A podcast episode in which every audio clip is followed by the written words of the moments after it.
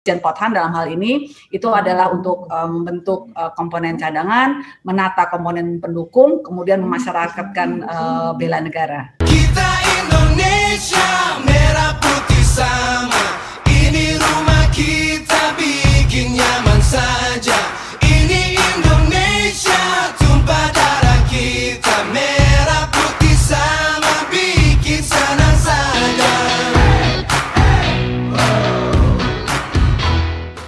Mungkin untuk bergeser ke Prof Bondan dulu, Pak Rektor.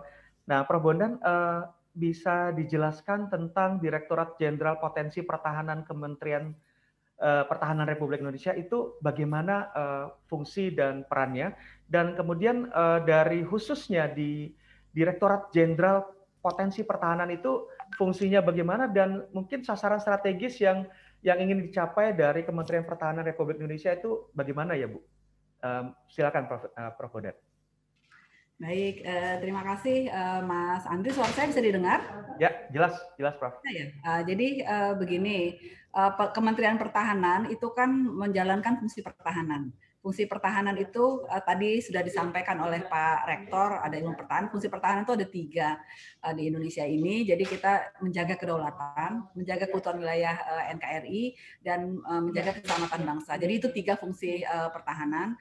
Dan terkait uh, fungsi itu sebenarnya itu merupakan salah satu tujuan nasional. Kalau kita lihat di pembukaan Undang-Undang Dasar 45 itu salah satu tujuan pembangunan uh, tujuan nasional kita adalah uh, menjaga keselamatan uh, melindungi segenap bangsa dan uh, oh, segenap, melindungi tanah air dan segenap bangsa Indonesia. Jadi uh, seperti itu. Nah, uh, terkait dengan hal tersebut, makanya uh, visinya Kementerian Pertahanan itu kan adalah uh, menjaga uh, pertahanan negara uh, dalam konteks yang sekarang itu untuk mencapai Indonesia yang maju. Dan untuk visi uh, pertahanan uh, Kementerian Pertahanan itu sekarang ada empat. Ini menjaga seperti yang fungsinya utamanya menjaga kedaulatan, keutuhan wilayah dan keselamatan bangsa.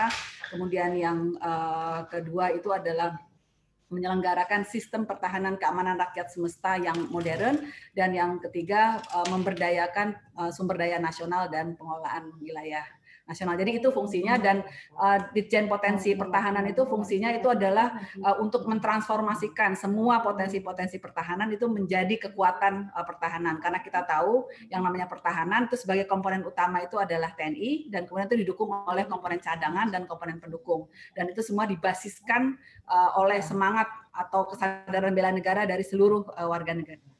Jadi seperti itu dan fungsinya Kementerian uh, Ditjen Pothan dalam hal ini itu adalah untuk um, membentuk uh, komponen cadangan, menata komponen pendukung, kemudian memasyarakatkan uh, bela negara. Itu kira-kira Mas uh, Andri. Baik, Pak Prof. Bondan. Nah, mungkin kita mulai bergeser ke tentang uh, bela negara itu sendiri ya, Prof.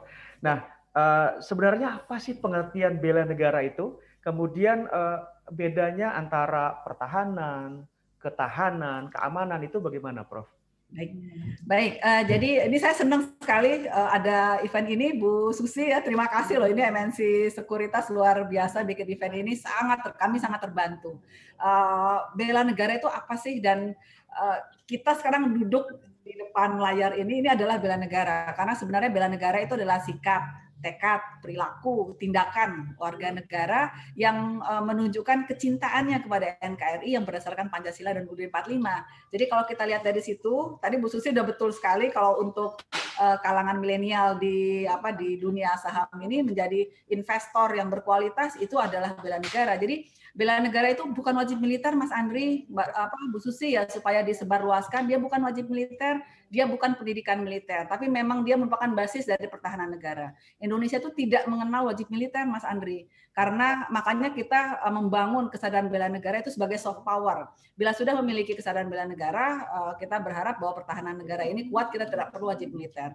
Nah, kemudian di sisi lain memang tadi saya sampaikan ada ada komcat ya. Komcat berbeda lagi karena sekarang sedang rame nih. Apa dibilang bela negara adalah pendidikan militer. Dia sekali lagi uh, bela negara itu adalah uh, tekad, sikap, perilaku warga negara yang menunjukkan kecintaannya kepada uh, NKRI dan dia merupakan basis dari pertahanan negara. Jadi uh, kalau boleh saya sharing satu slide boleh ya mengenai uh, Sis Hankam Rata ini supaya uh, apa namanya dapat gambaran kira-kira seperti apa.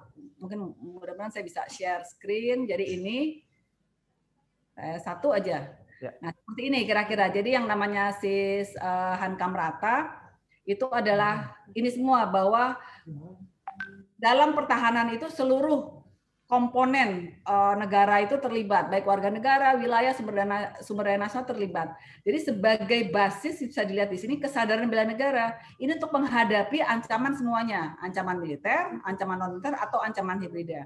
Ketika kita bicara segmen yang ini, ancaman militer dan hibrida itu TNI yang di depan, didukung oleh uh, Komcat sama Komdu.